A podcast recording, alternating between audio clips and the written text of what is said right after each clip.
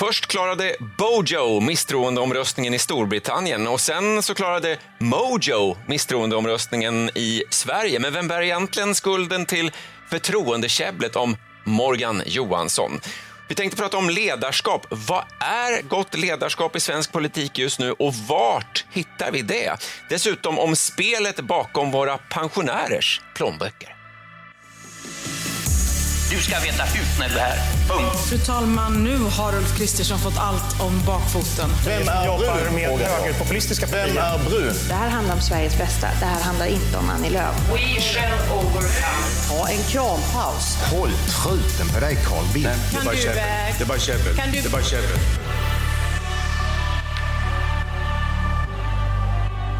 Ja men hallå, politiken i TV4, inte bara käbbel. Käbblet är så ovärdigt. Jag tror att de som tittar nu funderar på vad vi politiker håller på med. Ja, så lät det. Annie Lööf i söndagens partiledardebatt här i TV4 som Ann Tiberg för övrigt eh, ledde upptakten på ännu en intensiv politisk vecka som vi ska försöka dissekera. Vi ska analysera det med Ann Tiberg, Jens B Nordström eh, på andra sidan bordet här, våra politikkommentatorer och jag heter Johan Macéus och jag hoppas ni förstod min ordvits inledningsvis om Bojo, Boris Johnson och Mojo, Morgan Johansson då i eh, våran riksdag. Eh, Mojo förresten. I'm going to go back to the 60s and steal Austin Powers' mojo. What's wrong? Crikey! I've lost my mojo! Det där var alltså inte statsminister Magdalena Andersson som förlorade sin mojo i omröstningen utan det var Austin Powers-filmen The Spy Who Shagged Me. Men du det här var känslan i regeringskansliet att de kanske skulle förlora sin mojo. Det låter mycket bättre på engelska än mojo. Mojo, ja. vi säger Morgan Johansson. En helt irrelevant inledning får vi väl konstatera på dagens podd. Lite Eh, Men Ann, faktiskt. något som är relevant får vi väl ändå säga är förtroendet, Mm. eh, eller bristen på förtroendet. Eh, Det har varit i fokus den här veckan. Alltså, ja, och det som har varit eh, rätt eget med den här situationen är att vi har haft käbbel, får man nog faktiskt säga, på flera nivåer eh, i samband med den här förtroendeomröstningen. Och inte minst i efterhand, någon sorts krisbearbetning där folk ställer sig frågan, vems fel var det här? Och, och min fundering här kring det här, eftersom jag kommenterat det här eh, i tv och då har jag så att säga, lyft fram olika aspekter av det här och då har jag fått mejl av karaktären. "Men- du, tycker du att det här inte var oppositionens fel eller eh, tycker du inte att det här är regeringens fel? Och jag måste tydligen ta ställning i den här frågan, vems fel det var. Så då tänkte jag, då reder vi ut Ja. det här. Vad var det egentligen som hände? Och då var det ju så här att Sverigedemokraterna eh, sa att de, förlåt, ett enigt KU kritiserade Morgan Johansson för att han vid flera tillfällen har farit med osanning för riksdagen. Det var så det började den här Så gången. vi började den här dagen. Och eh, det var ganska hårda ord när KU presenterade det här. Sverigedemokraterna går kort därefter ut och säger vi väcker misstroende på Morgan Johansson. Dock inte för farandet med osanning utan för att han inte har lyckats vända eh, gängvåldet och kriminalpolitiken att det fortfarande sker fler skjutningar och dödsskjutningar i år än tidigare år som han har varit justitieminister. Och kort efter att de har gjort det så säger Moderaterna att de hakar på. Eh, KD hakar på, Liberalerna hakar på och vi har plötsligt en möjlig majoritet för att Morgan Johansson ska fällas. Så där långt så har vi en situation som faktiskt har hänt flera gånger förut. Eh, att en minister kan fällas eh, i en misstroendeomröstning och sen fälls ministern och regeringen går vidare och regerar vidare och tillsätter en ny minister. Eller möjligen faktiskt det som oftast händer, ministern avgår självmant. Men inte det hände gången. inte den här gången. Utan istället så går statsministern ut eh, och är faktiskt fullkomligt rasande i en presskonferens och säger att eh, det här är alldeles oerhört att det här sker i det här läget. Och på en fråga så säger hon också om Johansson avgår så avgår också hela regeringen. Och, och, där, och där vi står nu är då så här, var det oppositionens fel att hela regeringen riskerade att avgå som inte hade en aning om att Magdalena Andersson skulle säga det här som det framstod för många i affekt att hon skulle ställa kabinettsfråga? Eller var det Magdalena Anderssons fel att hotet blev så skarpt som ställde kabinettsfrågan? Hon ville ju verkligen inte förlora sin mojo, får vi ju säga där då. Att det, det är det hon understryker där verkligen. Och Verkligen. matematiken ställer ju verkligen till det i riksdagen eh, nu. För att det är så jämnt och det är en liten röst som spelar väldigt stor roll. Det är ju 174-174 mellan de två sidorna och sen så är det den politiska vilden Amineh Kakabaveh som tidigare tillhört Vänsterpartiet som då blir tungan på vågen. Och hon utnyttjade det här maximalt får man ju säga. Hon eh, höll ju alla på halster in i det sista. Det kom ganska motstridiga besked. Innan sekunden skulle hon hålla sig hemma, sen skulle hon gå dit och fälla Morgan Johansson. Sen så skulle hon ta... Och, ja, det var väldigt många besked. Och till slut så landade hon ju i att hon var beredd att eh, lägga ned sin röst, vilket då skulle innebära att Morgan Johansson klarade sig. Men då ville ha någon offentlig försäkran från Socialdemokraterna. De skulle gå ut i media och understryka att den här eh, uppgörelsen från i höstas, då de släppte fram Magdalena Andersson som statsminister, att den fortfarande gällde. Och den var ju lite problematisk med tanke på förhandlingarna med Turkiet eftersom att den innehåller flera punkter där man ska fördjupa stödet med eh, det kurdiska partiet i nordöstra Syrien eh, och eh, flera punkter där man ska ha ett utökat demokratisamarbete med kurdiska organisationer. Och Det här är ju ett rött skynke för regimen i Ankara. Så att det här var ju inte helt enkelt. Men eh, regeringen gjorde ju det, gick ut kort därefter och sa att ja, den uppgörelsen gäller. Och eh, Amineh Kakabaveh lade sin röst. Och reaktionen då i partiledardebatten eh, från Sverigedemokraterna var ju också ganska skarp får vi säga. Den här längtan efter makten har gått så långt att ett köpslående med en marxistisk politisk vilde med helt andra intressen än Sveriges för ögonen ses som någonting helt oproblematiskt. Jimmy Åkesson sa så i eh, debatten. Eh, ja, vems fel då? Eh, vad är svaret på den här frågan? Ann? För vi har ju bara varit mitt uppe i någon form av käbbel och sen blev det nästan kaos eh, med alla turer och besked. Ingen förstod någonting ett tag här. Eh, jag skulle först vilja säga att det här är en i högsta grad hemlagad soppa. Eh, det, det är så att säga ingen utomstående eh, aktör som kan lastas för det här utan här har verkligen svenska politiker gemensamt lyckats schabbla till det. Och, eh, därför att ingen ville ju ha det här. Eh, oppositionen ville ge Morgan Johansson en näsbränna. De ville inte fälla hela regeringen. Med undantag möjligen för Jimmy Åkesson som faktiskt är den som fortfarande tyck, verkar tycka att eh, det här är någonting att prata om. Alla andra försöker ju liksom börja prata om annat.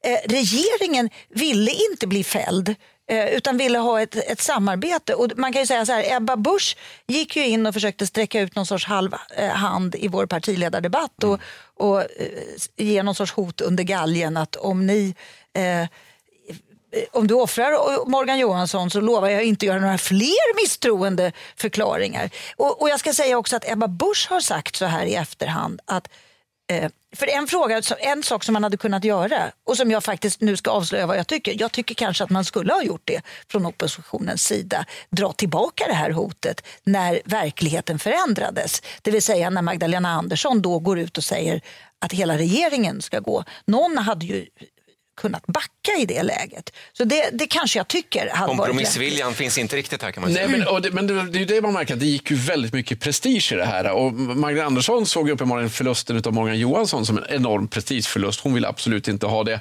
Och Samtidigt så är det ju ganska lätt att misstänka att oppositionen har tyckt att ja, men drar vi tillbaka nu, vem tar oss då på allvar? Och Sverigedemokraterna var ju de som var mest aggressiva och var förmodligen inte benägna att dra tillbaka. Så att ska man då backa medan några står kvar, ja då framstår man kanske som svagare också. Så det gick ju prestige i det här också. Men, Och, och jag ska säga så här att det är ju inte lätt att backa i ett sånt läge. Och hade, hade vi haft eh, fler politiker som i det här läget ville vara vuxna i rummet så hade kanske Magdalena Andersson kunnat hjälpa till lite grann. Alltså det är ju så man ofta gör. Det här att man, man modifierar sitt påstående lite grann på något sätt.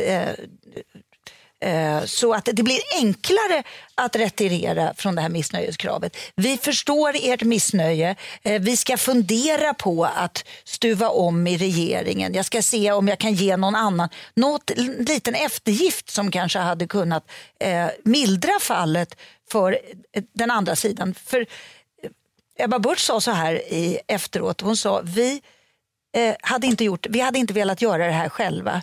Men vi hade inget val. Vi kunde inte göra något annat än att haka på. Och den som borde ha backat, det är den som brukar kalla sig för den vuxna i rummet, nämligen Ulf Kristersson, sa hon efteråt, vilket ju också är lite magstarkt i det här läget. Men, men det, så- jag tror det, är så här, det här känns lite grann som så här, timingen också. Att det, det är den tiden på året. Nu har man haft en lång period där alla har försökt lägga band på sig och försöka liksom få igenom en NATO-ansökan och försökt skärpa till sig. Och nu är det liksom slutet på terminen, alla är trötta, alla har ansträngt sig och så har man en budgetomröstning som det kärvar i helt plötsligt. Och på något sätt känns det bara sådär att det är, så här, det är som en familj som har umgåtts lite för mycket under för lång tid. Att det är så här, Ja, men då vill jag åtminstone misstroende som pang smäller det liksom. Och ingen klarar av att klättra ner lite grann också. Som Men vad tycker du skulle varit lösningen i det här läget? Då? Det är så här, den är ju som du säger, den är ju hemlagad och det är ju inte så här, men lite grann så tror jag så att alla hade ju kunnat deeskalera, ingen klarade av det. Och Det är ju det som är det intressanta. Och så hamnar alla i en ruta som de inte är riktigt nöjd med. Möjligen med undantag för Sverigedemokraterna som ju Som är nöjda? Ja. Och vad tänker du? Nej, jag tänker att Magdalena eh, fick behålla sin mojo eh, och jag tyckte själv när jag satt och, och såg på det spektaklet, jag var ju en liten del eller, i eh, uppsnacket till partiledardebatten och när alla pratade om Morgan Johansson och när eh, statsministern faktiskt lyssnade på Ebba Buschs eh, erbjudande och, och statsministern inte riktigt, och hon övervägde det, hon tog ju inte sin minister i försvar där heller, så tänkte jag att stackars Morgan Johansson på det sättet som sitter hemma, alla är emot honom och han får väl rimligtvis ingen möjlighet att försvara sig här, för att han får väl inte uttala- sig för statsministern, eller? Fast han är ju en vinnare här, Mojo, som ju faktiskt eh, aldrig ens behövde gå ut och be om ursäkt eller säga någonting om de här. Han hade ju ändå fått kritik från ett enigt KU, även om inte det var grunden för misstroendeomröstningen. Eh, omröstningen. så att det är ju, på ett sätt är ju han en vinnare. 10 000 faktiskt. kronors frågan då. Kommer Morgan Johansson få vara kvar som justitieminister om regeringen sitter kvar efter valet? Alltså med tanke på den här förtroendecirkusen. Jag tror Ja eller inte det. Nej. Och jag tror det. Ja. Nej? Ja. Får vi se vem som har rätt. En politisk överlevare i alla fall, det kan vi enas om. Ett poddtips från Podplay. I fallen jag aldrig glömmer djupdyker Hasse Aro i arbetet bakom några av Sveriges mest uppseendeväckande brottsutredningar. Går vi in med hemlig telefonavlyssning och, och då upplever vi att vi får en total förändring av hans beteende. Vad är det som händer nu? Vem är det som läcker? Och så säger han att jag är kriminell, jag har varit kriminell i hela mitt liv men att mörda ett barn, där går min gräns. Nya säsongen av Fallen jag aldrig glömmer på Podplay. Inte bara käbbel. Politiken i TV4. Det har varit långa och många möten, manglingar får man väl nästan säga, om pensionärernas ekonomi den senaste tiden. Och efter beskedet i veckan att förhandlingarna verkat stranda så sköt finansutskottet upp sitt beslut till efter helgen. Och Jens, klockan tickar. Det är bråttom. Nej, men här är ju liksom så här klassiskt att man har ju svårt att enas för det ligger just nu tre stycken förslag på bordet. Först så la ju regeringen fram ett förslag där Vänsterpartiet hade sagt att ska ni få oss att släppa fram er i regeringsställning då ska vi ha någonting för pensionärerna. Och så förhandlade man till ett eh, lösning där man tog ett, gjorde ett nytt garantitillägg där man ska ge pengar till eh, de pensionärer som har minst pengar i fickan. Och det ska gälla ungefär 500 000 tror man. Det kommer att kosta 9,4 miljarder. Nooshi Dadgostar älskar att säga att det blir en tusenlapp mer. De flesta säger annat. Jo, slår man ut på snitt så blir det kanske 750 kronor egentligen. Men det är, så här, men det är regeringens Detaljer. förslag. Ja. Oppositionen har sagt att vi tycker inte det här är bra för det ligger utanför pensionssystemet. Man lägger det som ett separat tillägg. Vi tror att vi kan göra någonting bättre. Och så gjorde M, KD, L och SD ett gemensamt förslag där man säger att man, Nej, men vi höjer garantipensionen och vi höjer bostadstillägget och så sänker vi skatten lite grann och så aktiverar vi den så kallade gasen när man tar lite grann av överskottet i pensionssystemet så trycker man in det till några av pensionärerna också. Och det är dyrare, det kommer att kosta 14,4 miljarder kronor och, men de flesta bedömer säger att i slutändan så blir det här ungefär lika mycket pengar för de sämst ställda pensionärerna och några andra får lite till också, ungefär 400 kronor mer i snitt. Men den stora kruxet är att allt det här görs lite grann på fri hand på kammaren. Man drar ihop ett gäng i riksdagen och säger att häng med här så pratar vi ihop oss. Och formellt sett så ska allt det här skötas i pensionsgruppen. Det är ju någonting man skapade på 90-talet när man behövde re- helrenovera pensionssystemet. Så sa man, Pensioner, det är jobbiga frågor. Det är dyrt. Vi måste leva med de här lösningarna ganska länge. Då måste vi liksom få till breda uppgörelser som skapar den här pensionsgruppen. Där ingår alla utom Vänsterpartiet och Sverigedemokraterna som är väl kanske de som har drivit på den här diskussionen. Och Miljöpartiet. Ja, och Miljöpartiet, förlåt. Och eh, det har ju gjort att de här, den här pensionsgruppen har ju kommit att bli mer och mer ifrågasatt. Och Centerpartiet står ju som kvar, de som verkligen säger så här, men den här pensionsgruppen vi har då, då ska vi inte... Ja. Och, och nu har de försökt lägga ett kompromissförslag här och sagt att vi, vi tror vi kan enas om vi höjer garantipensionen med 800 kronor så sänker vi skatten lite grann. Då är vi inte så långt ifrån varandra. Och vi kan ta och lyssna lite grann på hur Martin Ådahl lät när han vädjade. Det är egentligen otroligt med tanke på hur viktigt det är för de långsiktiga pensionerna och hur otroligt nära i kronor och ören som vi har varit under hela diskussionen att man inte lyckas presentera ett enda rejält kompromissförslag. Ja, vad är det Centern gör här? Vill man dra nytta av och försöka fånga pensionärerna inför valet och, och vara på deras sida? Eller vad är det vi ser egentligen? Jag tror att man dels försöker väl så här, jag tror att återigen så den här drömmen om den breda mitten som Centerpartiet försöker lansera här, att det är så här, de vill stänga ute Vänsterpartiet och Sverigedemokraterna säger man, men den här pensionsgruppen där de inte är med, vore det inte fantastiskt om vi kunde jobba där? Och så försöker man locka tillbaka de andra parterna. Men vad säger du, känns det som att de andra nappar? Det, nej, det gör det väl kanske inte riktigt. Men det är ju också eh, det är ju en, en politisk realitet att eh, det är inte bara så att pensionsgruppen är en grupp som mobbar ut Vänsterpartiet och Sverigedemokraterna och säger att ni får inte vara med. Utan den bildades ju av de partier som står bakom pensionssystemet så som det ser ut. Och pensionssystemet fungerar så att eh, det, din pension ska vara en effekt av den lön du har haft under hela livet. Det tidigare pensionssystemet var inte så, utan det kompenserade de som hade haft låg lön eller jobbat deltid eller varit hemma med barn. Så att de, det var ett omfördelande pensionssystem och det är inte det nya pensionssystemet. Vänsterpartiet och Sverigedemokraterna vill fortfarande ha ett omfördelande pensionssystem och därför så är de mot den här, idkar de en sorts krypskytte mot den här pensionsgruppen. Och jag skulle säga att det är så Centern ser det här. De står fortfarande bakom det här systemet och är ganska nervösa för att det här ska haverera. Och, och sanningen är att de som eh, faktiskt inte är förtjusta i eh, att stanna kvar i gruppen, de som är minst förtjusta i det är ju Socialdemokraterna skulle jag säga. Och vi kan ju höra hur det lät från Magdalena Andersson när hon fick en fråga från dig, tror jag, Mm. om det här. Nej, men det, jag, det, jag tycker det är viktigt att säga det här har ju varit ett samarbete som har funnits under flera decennier och som ju har skapat en stabilitet för det svenska eh, pensionssystemet. Det är ju också viktigt naturligtvis att, att, eh, att man kan komma överens i pensionsarbetsgruppen så att vi långsiktigt kan trygga pensionssystemet. Magdalena Andersson i riksdagens pressrum i november med en lång, lång fundersam suck på din fråga där Jens. Ja, men det känns ju väldigt mycket som en läpparnas bekännelse att jag måste säga att jag tycker om pensionsgruppen fast egentligen så är jag inte så förtjust i den. Men det är ju ganska intressant att när man gjorde den här pensionsuppgörelsen på 90-talet då var det ju det här som alla politiker säger sig vilja åstadkomma. En bred uppgörelse som tog väldigt lång tid att hamra fram.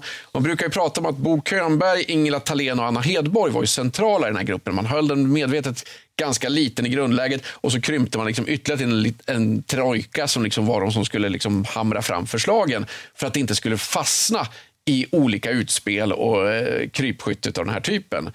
Och Jag tror ju att de här grundarna av den pensionsgruppen och den här pensionsuppgörelsen då, de ser ju lite grann med förfäran på det som händer just nu. Eftersom att mycket av det här strider ju mot det som man införde då, att man liksom börjar nu urholka det här systemet. Och från Pensionsmyndigheten har det till exempel kommit hård kritik att man säger liksom att men det här, många av de här regeringens förslag strider mot den här livsinkomstprincipen. Att det, man liksom börjar nu liksom så här dyrka in och så här stoppa in. Och det här pensionssystemet blir ganska obegripligt om man liksom håller på och lappar och lagar och plockar in lite grejer här och där i det. Därför att det, det, är frågan om, om det ska vara pensioner eller bidrag. Och det här garantitillägget är ett bidrag och då börjar det bli liksom rörigt. Så, eller ännu mer rörigt. Men jag har massa frågor nu. När får pensionärerna veta hur mycket de har i plånboken? Kommer alla hinna? För nästa vecka är det vårändringsbudget och klockan tickar ju. Nej, och då är ju frågan vad som landar där. Och förmodligen så är det väl så att eh, det, det intressanta blir ju hur Centerpartiet gör. Det är ju uppenbart att de tror att de kan förhandla fram någonting här. Men det jag hör är att de andra partierna är inte jättesugna på att ta den här vädjande handen från Martin Ådahl. Eller vad säger du? Jag vet att eh, jag har ju pratat med socialförsäkringsministern vid något tillfälle om, om det här och sagt att ni vill väl inte egentligen att det här ska bli något för ni vill ha en, en Mm. valfråga och då säger han så här ja, vi vill ju inte ha en svekdebatt i valrörelsen. Om vi har lovat att det ska bli en pensionshöjning några veckor före valet så blir det inte det. Då får ju vi en svekdebatt. Så det är lite, lite dubbelt det här. Så det finns nog ett intresse från, ett lite större intresse än vad man kanske skulle kunna tro. Eller borde åtminstone finnas. Och väljare, komma får, överens. ja, och väljare får man komma ihåg att väljare brukar ju framförallt premiera det som det faktiskt blev någonting av. Alltså då säga, vi ville i någonting men vi fick inte genomföra det. Väljarna är sällan särskilt eh, mottagliga för det argumentet.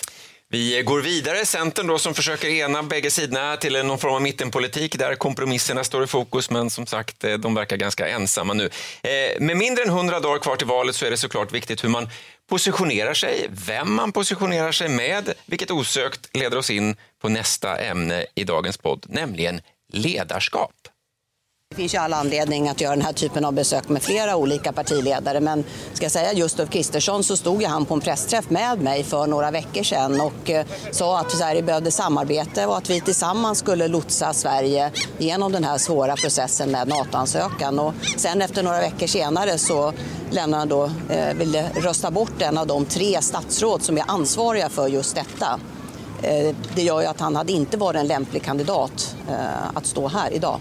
Han har, visat, han har ju visat att han, hans ledarskap uppenbarligen inte håller för situationen. Så recenserade eh, statsministern oppositions, oppositionens ledare och vid hennes sida då centerledaren Annie Lööf i samband med att den här stora amerikanska stridsfartyget var inne i Stockholm. Care Sarge tror jag det heter, va? eller hur? Visst är det så? Men en recension av Ulf Kristersson där och hans ledarskap, det kunde hon kosta på sig. Ja, det kunde hon. Och jag tycker man kan fundera över det här med ledarskap. Vad är gott politiskt ledarskap? Eh, I hennes eh, recension här så är tydligen ledarskap, handlar det om att eh, vi uppvisa enighet och inte söka konflikt. Så, det är hennes Definition. Hennes definition. Och jag tänker så här att för mig är gott ledarskap egentligen Alltså, politiker fattar en massa beslut och, och går iväg i olika riktningar. Ehm, och hon hade ju då bara någon dag tidigare stått i affekt och, och varit upprörd över och, och hotat att hela regeringen skulle gå. Eh, Ja, var det gott ledarskap? var det gott ledarskap? Nu reser jag frågan. Jag vill egentligen inte ge svaret, men jag skulle vilja säga så här. att att eh, I min värld så, så är gott ledarskap åtminstone att du fattar hyggligt grundade beslut. Du har ett skäl för varför du fattar ett beslut. Eh, du står för det beslutet och du tar konsekvenserna av det beslutet. Och eh, man kan fundera över vem av de här två som uppvisade bäst ledarskap då, utan att gå tillbaka till just den här grundfrågan som vi redan har tagit. Ja, för vi pratar ju om, om att kompromissa, att backa, att dra tillbaka. Är det ett gott ledarskap? Alltså, det är ju, Sverige har en tradition av kompromiss i alla fall. Eftersom vi har ett flerpartisystem så blir det ofta så att du måste jämka ihop flera eh, partier. ja. Och, eh, det brukar man ju säga, liksom, så att, eh, i, i Sverige så är det aldrig någon som får helt som de vill, men ingen blir ofta, alltså, det är inte alltid någon blir helt överkörd heller, utan man kan ofta påverka processen. Vilket ju är en ganska stor skillnad med på de här länderna som man har tvåpartisystemet. Då, är det liksom, då handlar det mycket om att då ska man ju riva upp det som den andra gjorde fyra år tidigare och det kan bli ganska slaget i politiken. Men jag vill nog ändå hävda att det är lite annorlunda i ledarskapsfrågan just nu. Att det är mindre kompromissvilja. Det kanske har att göra med att det är ett val runt hörnet.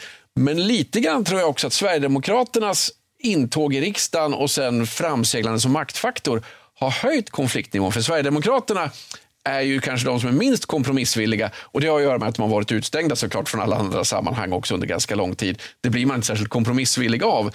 Men jag tror att det här har färgat av sig på en del andra partier. Eller vad säger du? Ja, men jag tror också att, att det, eh, det, finns en, det är en hög konfliktnivå och ledarskap just nu. Så vi har ju under många år efterfrågat starka, goda politiska ledare i Sverige. Jag tycker jämt när något parti ska byta partiledare så, så tittar alla sig omkring och säger det finns inga ledare. Och, men vi har haft ganska gott om den här typen av, av mjuka förhandlingsorienterade politiker som Fredrik Reinfeldt eller eh, Ingvar Carlsson. Eh, undantag kanske Göran Persson som, som var en ganska eh, Ja, han var, var, och Olof Palme, de var ju konfliktsökande personer. Så det, det, men det är ganska intressant att vi möjligen är tillbaka nu i den här tidigare mer polariserade politiska eh, begreppet och den hållningen och vad det betyder för eh, politiken. Ja, och lite grann så känns det så här också att sven, svenska riksdag oftast haft en blandning av de här. Men nu är det, känns det som att det är väldigt många partiledare som är den här It's my way or the highway-partiledaren. Men influeras man av varandra där? Att man, oj, han eller hon är sån, undrar om inte jag ska vara sån också? Nej, man influeras av landskapet. Man, det, det, det är så att säga, man har sitt, eh, igen tillbaka till Ebba Busch som säger så här, min roll i Uh, Ulf Kristerssons roll i politiken är att vara den vuxne i rummet. Min roll i politiken är att vara lite mer i opposition. Och då frågar jag så här, som en bråkig tonåring då? Nej, nej, nej, tonåringar är ansvarslösa. Jag är den, den, den grälande kärringen, tror jag hon sa. Men, men jag tror att det där stämmer i någon slags idealvärld. Men sen tror jag att man påverkas av de här hetska debatterna som blir. Att då blir det en del så personliga vendettor. Och helsike, den där var så jädra sur och tog heder och ära av mig. Och så vill man gärna trycka tillbaka lite grann. Någon slår någon i i huvudet med en spade i sandlådan och då vill man ju slå ja, tillbaka. Då, och då vill man inte vara den vuxna i rummet längre. och det där tror jag liksom att, och det här föds för liksom någonstans att Sverigedemokraterna har ju haft enorma eh, irritations eh, historier mot de andra partierna över både reella och upplevda eh, saker som har gjorts mot dem. Och då har det ju funnits en önskan om att ge tillbaka. Och det här liksom föder ju någonting hos andra partier tror jag också. Kort eh, bara, har vi ett bra ledarskap utan att peka ut någon person? Men om vi tittar på våra politiker just nu, är det bra ledare? Jag tycker att de är tydliga ledare. Men, men det vi har är att vi har många fler ledare. Vi har ju ett ganska stort politiskt eh, urval av partier, så de är fler. Jag tror vi är väldigt bra ledare för en valrörelse, men däremot för att få till en långsiktig politik så är de kanske inte lika skickliga. Så det är frågan vad man vill ha. Och, och nu har vi ett val runt hörnet. Så finns det informella ledare också. De, de, ska vi inte prata om här, men det finns ju väldigt många ledare, så får vi konstatera. Eh, vi, avslutar där. Ann Tiberg, Jens B Nordström, tack så mycket. Eh, tack store ledare, får vi säga till dig också. Jag ska inte hitta på några korta smeknamn för er som Bojo och Mojo. Jag funderar på det där, men det blev inget bra, så vi skippar det helt enkelt. Vi tackar för idag. Eh, kul att ni tittar eller lyssnar. Vi finns på TV4 Play. Vi finns också där poddar finns, där ni bara kan lyssna på oss om ni vill. Tack för idag! Podplay. Ett poddtips från Podplay. I fallen jag aldrig glömmer djupdyker Hasse Aro i arbetet bakom några av Sveriges mest uppseendeväckande brottsutredningar går vi in med hemlig telefonavlyssning och, och då upplever vi att vi får en total förändring av hans beteende. Vad är det som händer nu? Vem är det som läcker? Och så säger han att jag är kriminell, jag har varit kriminell i hela mitt liv men att mörda ett barn, där går min gräns. Nya säsongen av Fallen jag aldrig glömmer på Podplay.